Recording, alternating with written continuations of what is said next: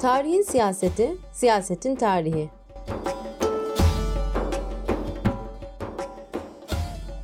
On ikinci bölüm. Geç Osmanlı tarihi feminist tarihçilik. Faillik ve deneyimin izini sürmek.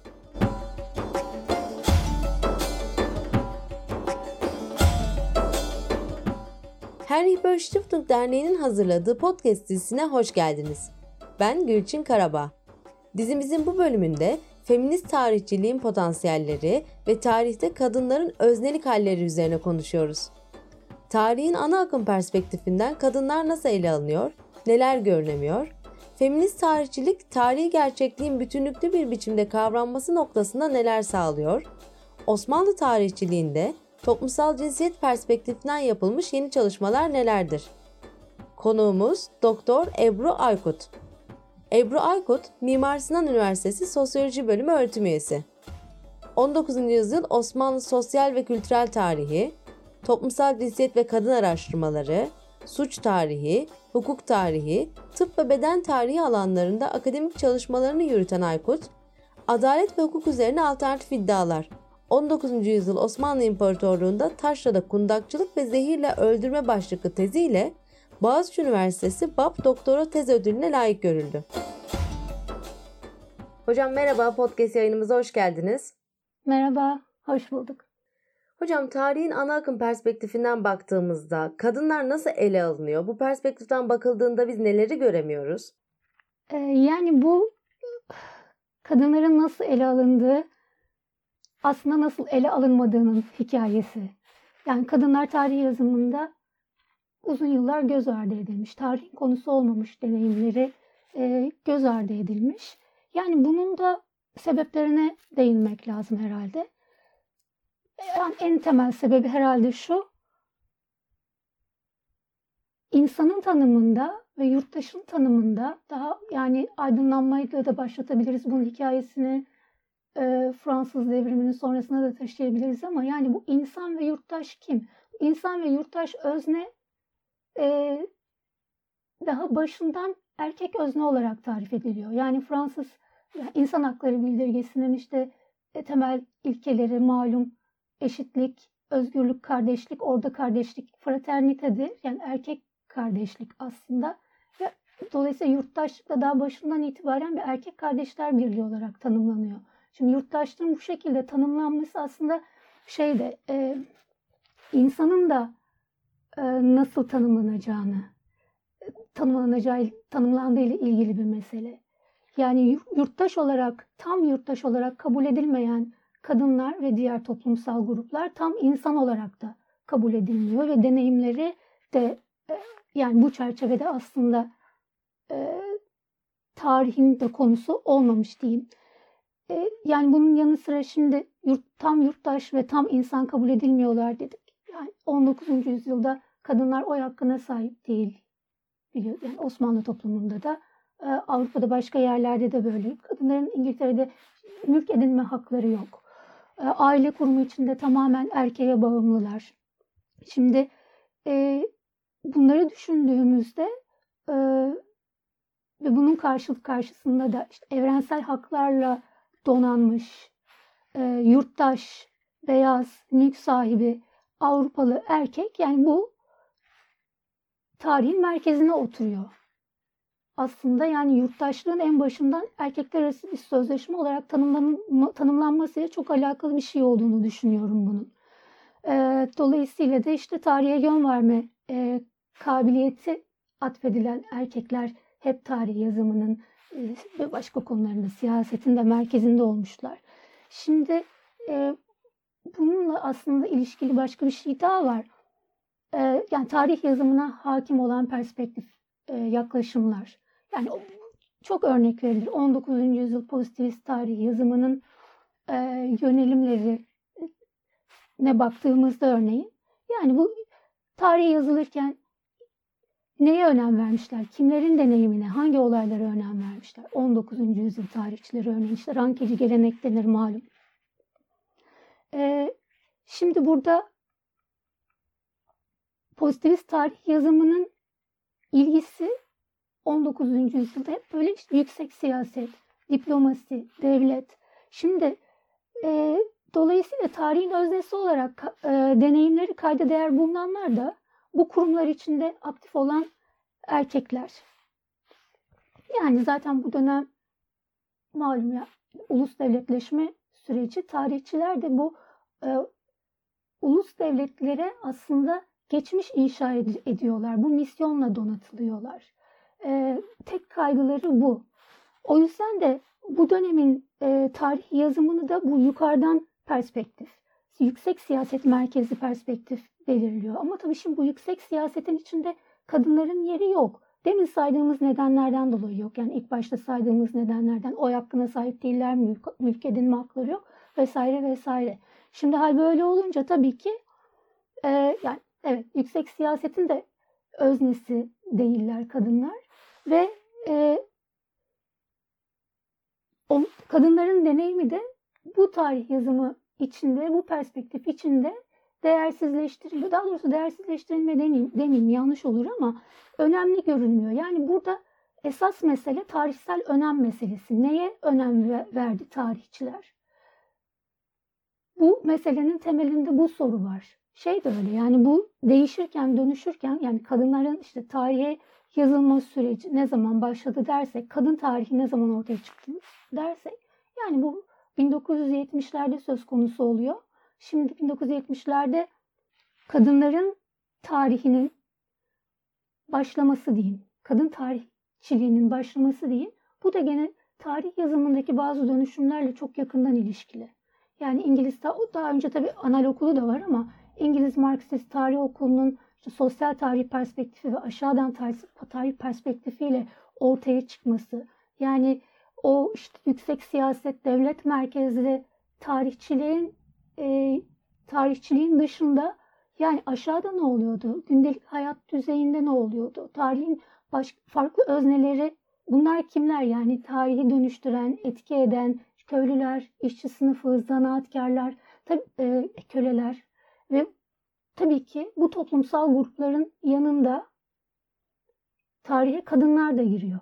Ama bu sadece yani 1970'lerde ya da 60'ların sonunda e, kadın tarihçiliğinin yükselişi, ortaya çıkışı tek başına elbette yani tarih yazımındaki dönüşümle de alakalı değil. Çünkü aynı dönem nasıl bir dönem? Ee, yani postkolonyal hareketler, antisömürgeci hareketler, e, Amerika'da sivil haklar hareketinin yükselişi 1950'lerin ortalarından itibaren ve buna paralel olarak e, ikinci dalga feminist hareketinin yükselişi. Bunun Avrupa'da da tabii farklı farklı izleri, etkileri var. Yani bunu e, Amerika Avrupa'yı etkiliyor manasında söylemiyorum ama yani ikinci dalga feminist hareket Avrupa'da da yani Simone de Beauvoir'dan değil mi 1949'da e, ikinci cinsiyeti yazdığında Simone de Beauvoir yani burada ilk defa işte ev içi emek, e, yani kadın bedeni, evlilik kurumu, annelik bu gibi konulara da değiniyor Simone de Beauvoir. Aynı zamanda ne var tabii? Şunu da e, hemen hatırlamak lazım. Yani kadınlar evet kadınlar da bir tarihsel özne olarak var ama peki kadınların hangi deneyimleri tarihe yazacağız? Şimdi burada mesela işte Simone de Beauvoir'ın ikinci cinsiyet e, kitabı e, buna dair ipuçları veriyor. Ama onun dışında Amerika'da Kate Millett'in Cinsel Politika kitabı 1970'te e, yayınlanıyor. Şimdi orada e, şey daha sonra da sloganlaşan bu özel olan politiktir. Hani feministlerin bugün de feministler olarak hepimizin sahiplendiği önemli bir slogan. Özel olan politiktir. Şimdi bu ne demek? Aslında kadınların hayatına, özel hayata, ait görülen o zamana kadar ve özel alana ait olduğu için de değersiz görülen, tarihin konusu olmaya layık görülmeyen pek çok konu. Kadın bedeni, cinselliği, annelik işte demin saydığınız bir sürü şey, ev içi emekte dahil olmak üzere. Bunlar bunların politik meseleler olduğunun aslında altı kalın kalın çiziliyor bu dönemde. Yani hem ikinci dalga feminist hareketin yükselişi ve işte başka toplumsal hareketlerle kadın tarihçiliğinin ortaya çıkması arasında çok yakın ilişki var. Hem de e, sosyal tarihçilik ve aşağıdan tarih perspektifinin e, ne diyeyim onun sağladığı imkanlar, tarihin konusunun genişlemesi, tarihçilerin ilgilendiği konuların çeşitlenmesi bunun e, çok büyük etkisi var diyebilirim. Yani hocam aslında e, neleri göremediğimizi ve neden göremediğimizi anlatmış bulundunuz.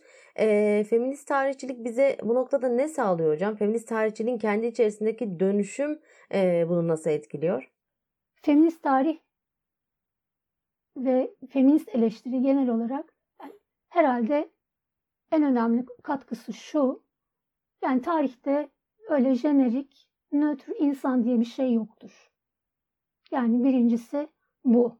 Yani e, tarihsel kadınlar ve erkekler vardır. Tarihte farklı çıkarları, farklı dertleri olan, farklı deneyimleri olan e, bin bir türlü kadınlar ve erkekler vardır. Öyle nötr, evrensel bir e, şey yoktur. İnsan yoktur birincisi. Tabii ki feminist tarihin tarih yazımına en büyük katkısı bu. Feminist eleştirinin daha doğrusu.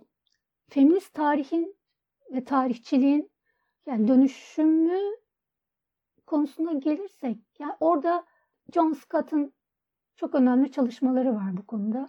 Türkiye'de de epey yazıldı, çizildi. Fatma Gülberktay da yazdı. Serpil Hoca'nın da e, bu konuya değindiği başka farklı çalışmaları var. Yani ilk başta kadınları aslında yani kadınlar evet o güne kadar deneyimleri tarihte görülmemiş ya da göz ardı edilmiş kadınları tarihe eklemeliyiz düsturuyla ortaya çıkıyorlar. Şimdi burada John Scott diyor ki örneğin ilk başta e, bu bir e, telafi edici tarihçilik şeklini aldı. Yani kadınlar işte evet siz görmüyordunuz ama işte kadınlar var. Hangi kadınlar var? Şu kadınlar, bu kadınlar, bunlar var. Ve bu kadınlar tabii ilk başta bakılan, e, ilgilenilen kadınlar işte e, hayatta hikayelerine, yaptıkları ettikleri işlere, sözlerine, eylemlerine daha rahat ulaşabileceğimiz, geri, geride bize, geriye bize belge döküman bırakmış, mektup, günlük, hatırat, yazı, değil mi?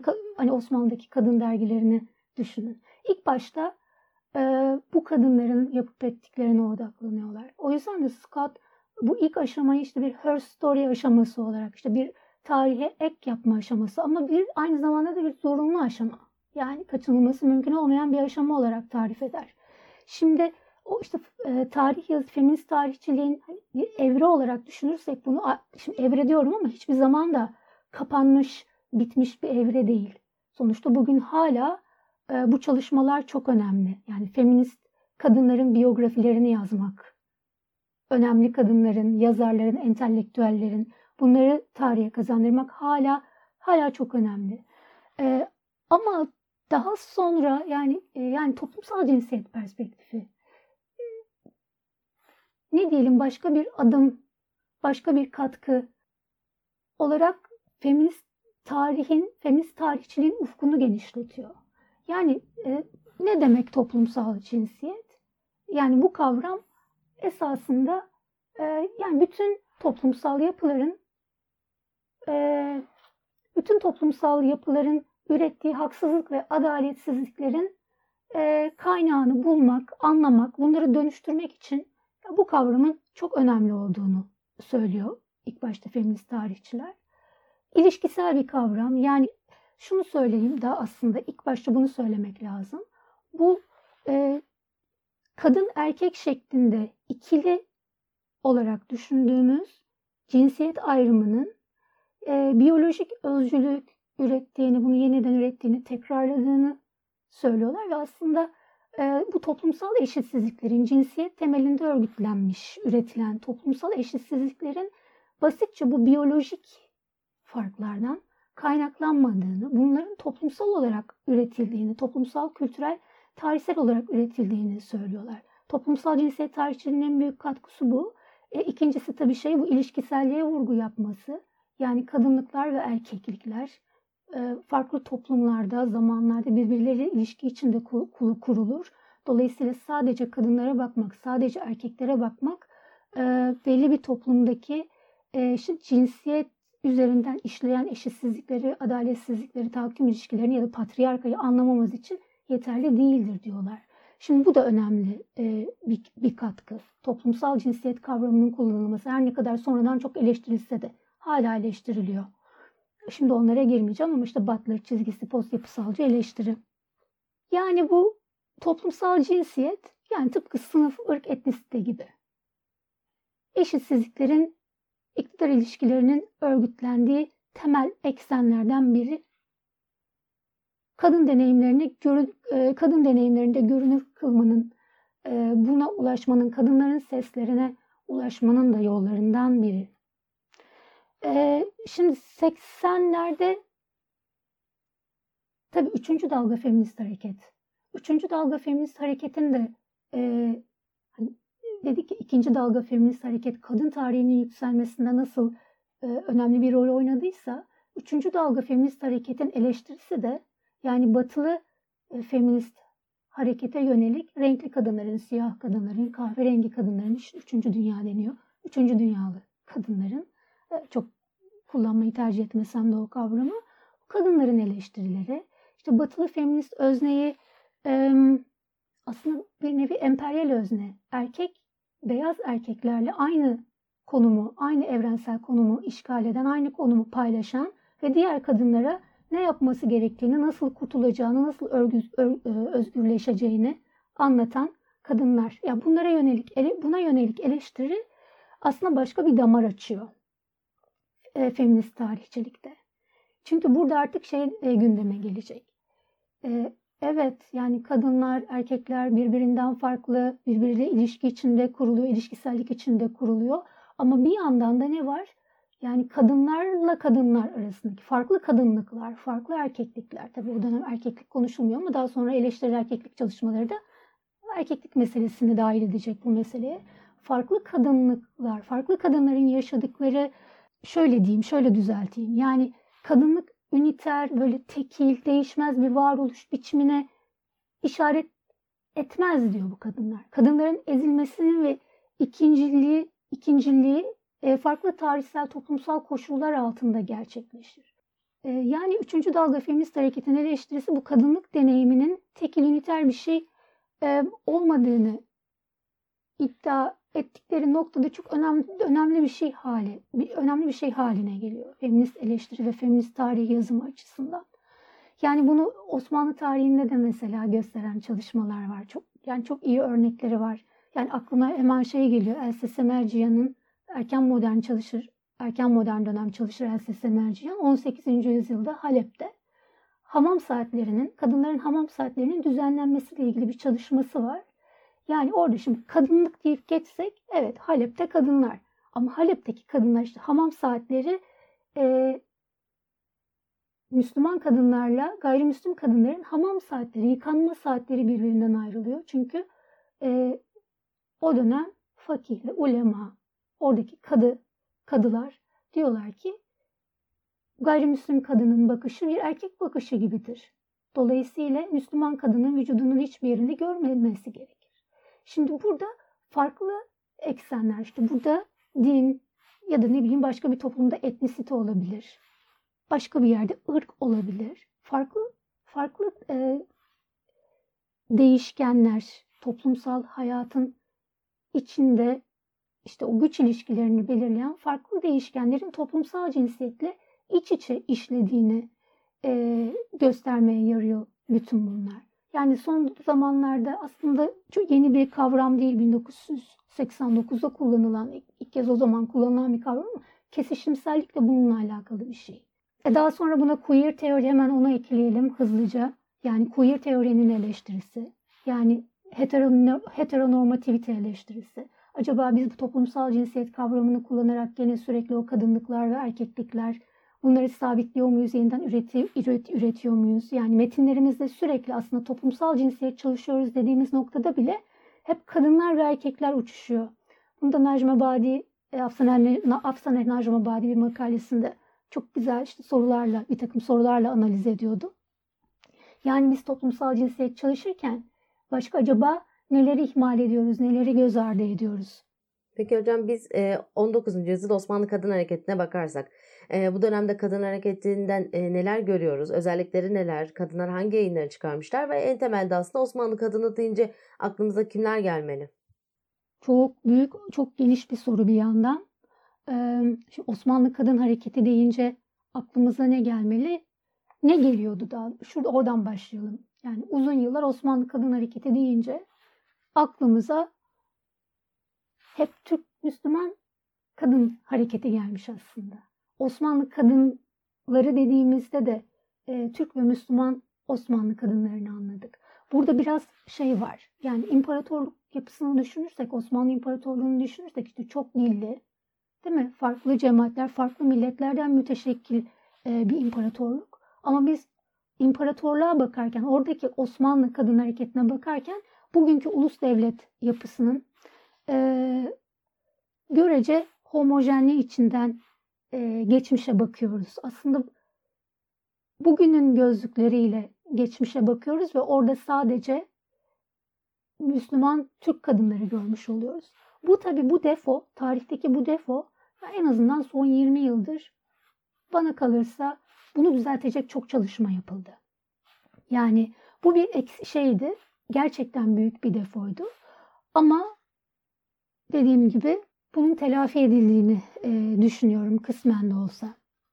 E, yani şimdi bu bu bakış geçmişi dönemleştirirken de etkili oluyor tabii. Yani kadın hareketini dönemlere ayırırken, e, yani kronolojik bir dizge oluştururken, işte ilk kadın dergisi neydi, ilk kadın derneği neydi? Şimdi ilk kadın dergisi, ilk Osmanlı Kadın Dergisi uzun yıllar hep ne kabul edildi? İşte Terakki, der, e, Terakki gazetesinin çıkarttığı Terakki Muhaderat 1869'da. Yani daha doğrusu kadın dergisi değil, kadınlara yönelik der, e, şey değil, ilave, bir gazete ilavesi. Ee, aynı şekilde Şefkati Nisvan, Emine Semiye'nin kurduğu 1898'de ilk kadın derneği kabul edildi yıllarca. Ama şimdi yani biraz önce bahsettiğimiz e, hassasiyet ve yeni yönelimle yani Osmanlı kadınlarının Müslüman Türk kadınlardan ibaret olmadığına yönelik e, hassasiyetle buradan bakarsak yani gördüğümüz şey bu bambaşka bir resim. Yani ilk e, mesela 1842'de Rum Kadınlar Kipseli diye bir dergi çıkarıyorlar. Yani kronolojik olarak da Terakki Muadderat'tan önce çıkartılmış e, bir dergi. 1862-63'te Elvis e, Gezeratyan Kayseri'de Gitar diye bir dergi çıkıyor, çıkartıyor kısa süreli de olsa. Yani daha sonra da yani Ermeni cemaati de Rum cemaati de den kadınlar farklı dergiler, gazeteler çıkartıyorlar. Ama e, yani bunları görmeyip her şeyin ilki olarak e, Osmanlı Müslüman e, Müslüman Türk kadınlarının çıkarttığı dergileri, kurduğu derneklere bakmak orada şey aslında bir nevi körlük, geçici körlük diyeyim çünkü yani geçtiğini umuyorum ve varsayıyorum dedemin dediğim gibi. Yani birinci e, önemli mevzulardan biri evet Osmanlı Kadın Hareketi deyince e, sadece Müslüman Türk Kadın Hareketi'ni anlamakta uzun yıllar. İkinci ikinci önemli mesele yani diğer önemli mesele e, kadın hareketini değer, değerlendirirken e, yaptığımız böyle bazı ayrımlar var. İşte filanca cemiyet, filanca dernek, bunu filanca dernek işte hayırsever cemiyettir. Bu politik değildir. Efendime söyleyeyim. E, yani biraz böyle derneklerin, cemiyetlerin faaliyet alanlarına bakarak o feministtir, bu değildir gibi ya da bu politiktir, bunların faaliyetleri, şunların da faaliyeti e, işte politiktir demek. Yani burada şöyle bir e, gene şey var, şöyle bir arıza var. Yani hayırseverlik faaliyetlerini aslında apolitikleştirmek gibi bir arıza var. Şimdi konuşmanın en başında e, özel olan politiktir dedik. Yani bu 1970'lerde evet yaygınlaşan bir slogan, feministlerin sonuna kadar savunduğu bir slogan. Ama biz bu tarihe bakarken gene bazı faaliyetleri politik görmeme hatasına düşüyoruz. Yani o hayırsever faaliyeti, o işte ne bileyim yetimlere, dullara, e, ne bileyim muhtaç kadınlara yönelik yardım faaliyetlerini ya da onlara yönelik kurulan e, cemiyetleri politik olarak değerlendirmemek de orada ayrı bir sıkıntı tabii ki. Peki hocam Osmanlı tarihçiliğinde toplumsal cinsiyet perspektiften yapılmış yeni çalışmalar neler? E, tarihçiler artık nelere dikkat ediyorlar? Burayı da kısaca e, sormak istedim. Şimdi e, tarihçiler e, aslında daha önce çok çalışılan konuları da e, bir kere farklı bir e, mercekle çalışmaya başladılar. Yani burada feminist tarihçiliğin ya da toplumsal cinsiyet çalışmalarının e, katkısı çok büyük şüphesiz. Yani e, örneğin savaş. Yani savaş böyle çok konvansiyonel, e, tarihçilerin çok ilgilendiği bir konu. Hatta işte e, yani 19. yüzyılda daha öncesinde de savaşların tarihi hep yazılmış sonuçta. Ama e, savaşların tarihi yazılırken hep bu hep bir yani erkeklerin, askerlerin, işte cephede savaşan askerlerin, komutanların bunların tarihi, bunların yapıp ettikleri üzerinden savaşlar anlatılmış. Cephelerin hikayesi. Ama örneğin e, Osmanlı tarihçiliğinde işte Birinci Dünya Savaşı çalışmaları şimdi. Birinci Dünya Savaşı Birinci Dünya Savaşı yani işte topyekün seferberliğin ilan edildiği e, bir savaş. Tarihçiler artık sadece cephede olanlara değil, cephe gerisinde olanlara da e, dikkat kesiliyorlar, kesildiler. Yani e, yani birkaç isim verirsem Elif Mahir Metin Soy'un, Zeynep Kutlu Atan'ın, işte Yiğit Akın'ın, Çiğdem Oğuz'un çalışmalarına bakarsak yani seferberlik esnasında yani savaş kadınların hayatını nasıl etkiledi? Neticede evet savaş çok büyük bir olay. Herkesin hayatını etkiliyor ama herkes aynı biçimde etkilenmiyor. Ve cinsiyet çok önemli bir ayrım yaratıyor bu noktada. Bu tarihçiler de örneğin kadınların e, çeşitli devlet kurumlarına yazdıkları arzu hallerle işte şikayetlerini anlattıkları, taleplerini dile getirdikleri arzu hallerle aslında e, seslerini devlete duyurmuş oluyorlar. Hem de aslında bu arzu haller vasıtasıyla e, yani daha şehirli de değil. Yani köylü, taşlı, Anadolulu kadınların, Müslüman, gayrimüslim, her kesimden kadının savaştan nasıl etkilendiğini bu arzu haller e, vasıtasıyla öğrenmiş oluyoruz. E, yani kadın bedeni, doğurganlığı, bu Osman 19. yüzyıl Osmanlı e, nüfus siyasetinin zaten yani bel kemiğini oluşturan bir şey ve bu konular da kadın bedeni ve doğurganlığı da nüfus siyaseti çerçevesinde e, çalışılıyor. Osmanlı feminist tarihçiler tarafından işte Gülhan Balsoy'un çalışmalarını örnek veririz. E, Tuğba Demirci Yılmaz'ın çalışmalarını örnek veririz. Örnek verebiliriz bunlara. E, yani e, kadın bedenini ilgilendirdiğini varsaydığımız yine demin dediğimiz gibi hani özel alanı ilgilendiren çok mahrem olduğunu varsaydığımız konuların aslında bu çalışmalarla yani ne kadar politik meseleler olduğunu, devletin nezdinde de böyle. Yani devlet de bunu çok politik bir mesele olarak görüyor ve düzenlemeye çalışıyor, müdahale ediyor. Ee, yani keza fuhuşun denetlenmesi, yoksul ve kimsesiz kadınların işte hem himaye edilmesi, hem kontrol altına alınması. Gene yani bu alanda da işte Müge Özbek ve Gülhan'ın çalışmaları var. Ben bu arada sadece 19. yüzyıldan bahsediyorum ve tabii ki ihmal etti, göz ardı, göz ardı değil ama burada değinemediğim pek çok e, tarihçi var. Bunu da söyleyeyim. E, yani köleliğin deneyimlenmesi ve e, kölelikten özgürleşmenin sonuçlarının nasıl yaşandığı dahi aslında cinsiyete göre değişiyor. İşte Ceyda Karamürsel'in çalışmaları bize bunu gösteriyor. Yani bir kadının azat edilmesiyle bir kadın kölenin bir erkek kölenin azat edilmesi sonrasında yaşadıkları şeyler aynı değil. Bulaşıcı hastalıklar, işte frengi, frengin yani frenginin taşıyıcısı fuhuş yapan kadınlar olarak görülmüş. Seçil Yılmaz yaptığı çalışmalarla aslında e, işte oradan oraya göç eden, iş arayan işçilerin, erkeklerin de e, frenginin nasıl taşıyıcısı olduğunu, bu nasıl bir e, devlet nezdinde kaygı haline dönüştüğünü bize gösteriyor. Yani özetlersek Osmanlı tarihçiliğinin evet yani yani 20 yıldır, son 20 yıldır en azından e, sosyal tarihçilik ve kadın tarihçiliği, toplumsal cinsiyet tarihçiliğinin kesiştiği noktada işte pek çok farklı konu Osmanlı tarihçilerinin e, gündemine girdi.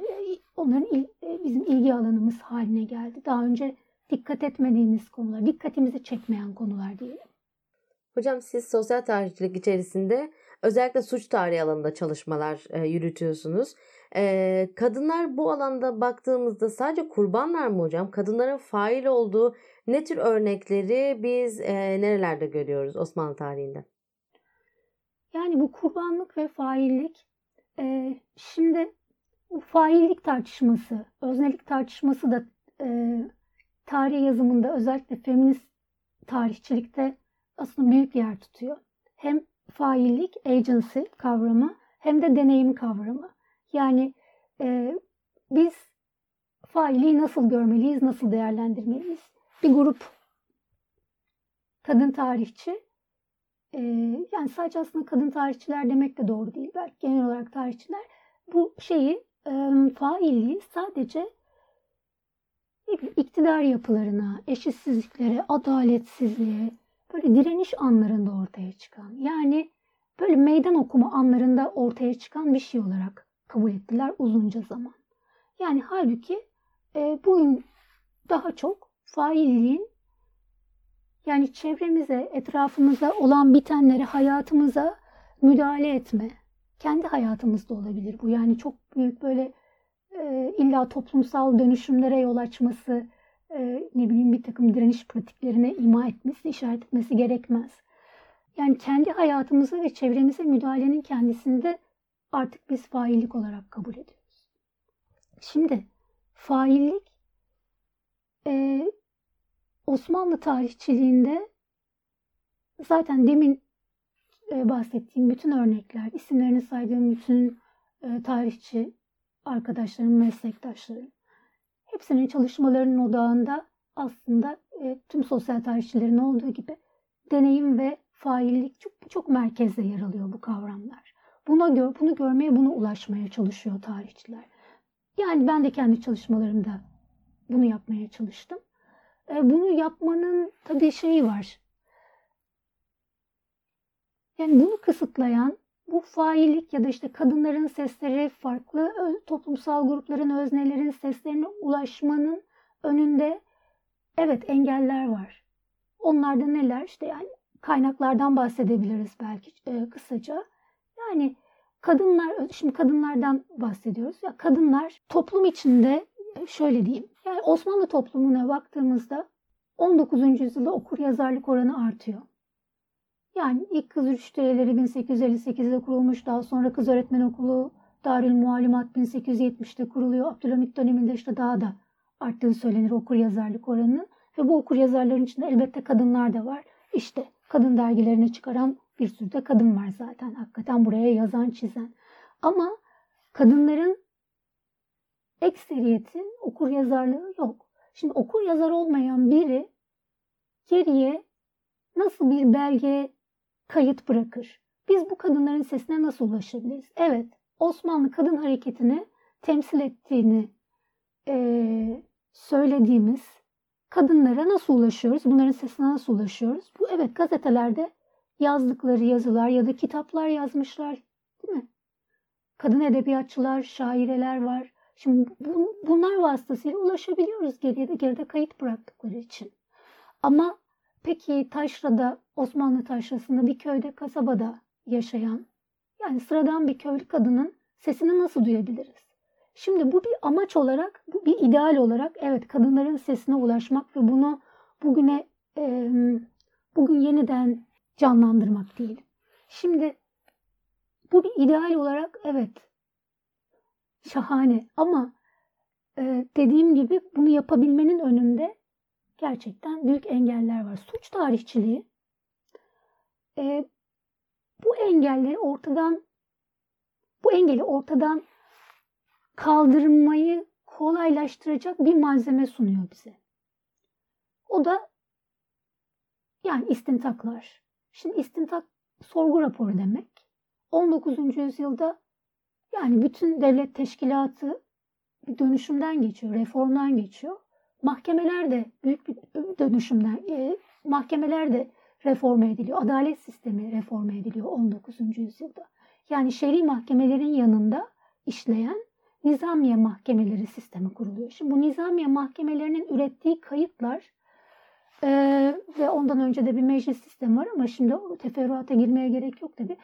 Nizamiye mahkemelerinin ürettiği kayıtlar şer'i e, mahkemelerin ürettiği kayıtlardan bambaşka. Yani Osmanlı arşivlerinde biz bunlara ulaşabiliyoruz bu kayıtlara.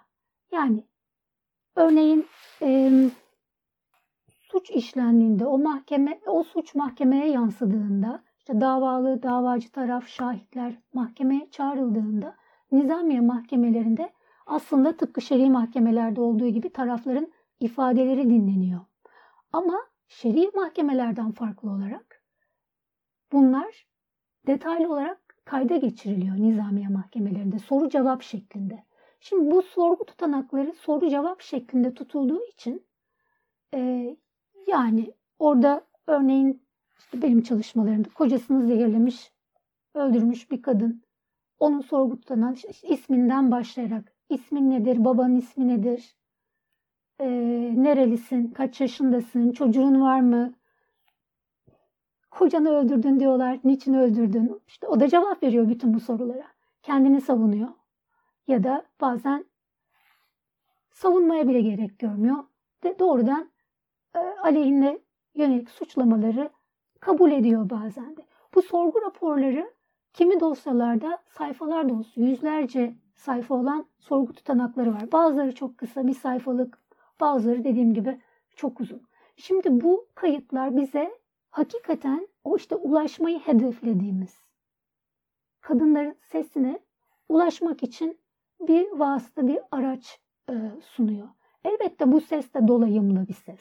Yani orada soruyu soran bir şey var. Sorgu katibi var, müstantik var. E, sorgu sürecini o yönlendiriyor elbette. Ama e, burada şeyi görmenin, e, yani o sesi duymanın, kadının nasıl cevap verdiğini e, görmenin, kendi hikayesini nasıl kurduğu, kocasını nasıl öldürdüğünü, nasıl zehirlediğini, e, nasıl anlattı. İşte ve bunu yaparken mesela pek çok sorgu tutanağında geçmişini de anlatıyor. Yani nasıl evlendirildi kocasıyla? Yani neden hayatından memnun değildi? Kendi hayatından, aile hayatından, kocasından ya da kayınvalidesinden. Bu şikayetlerini de anlatıyor. Orada gündelik hayata da dair inanılmaz bir e, şey var. Veri zenginliği var.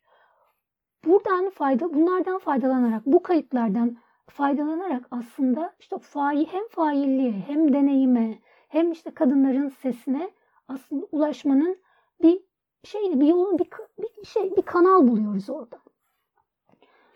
Bence bu önemli.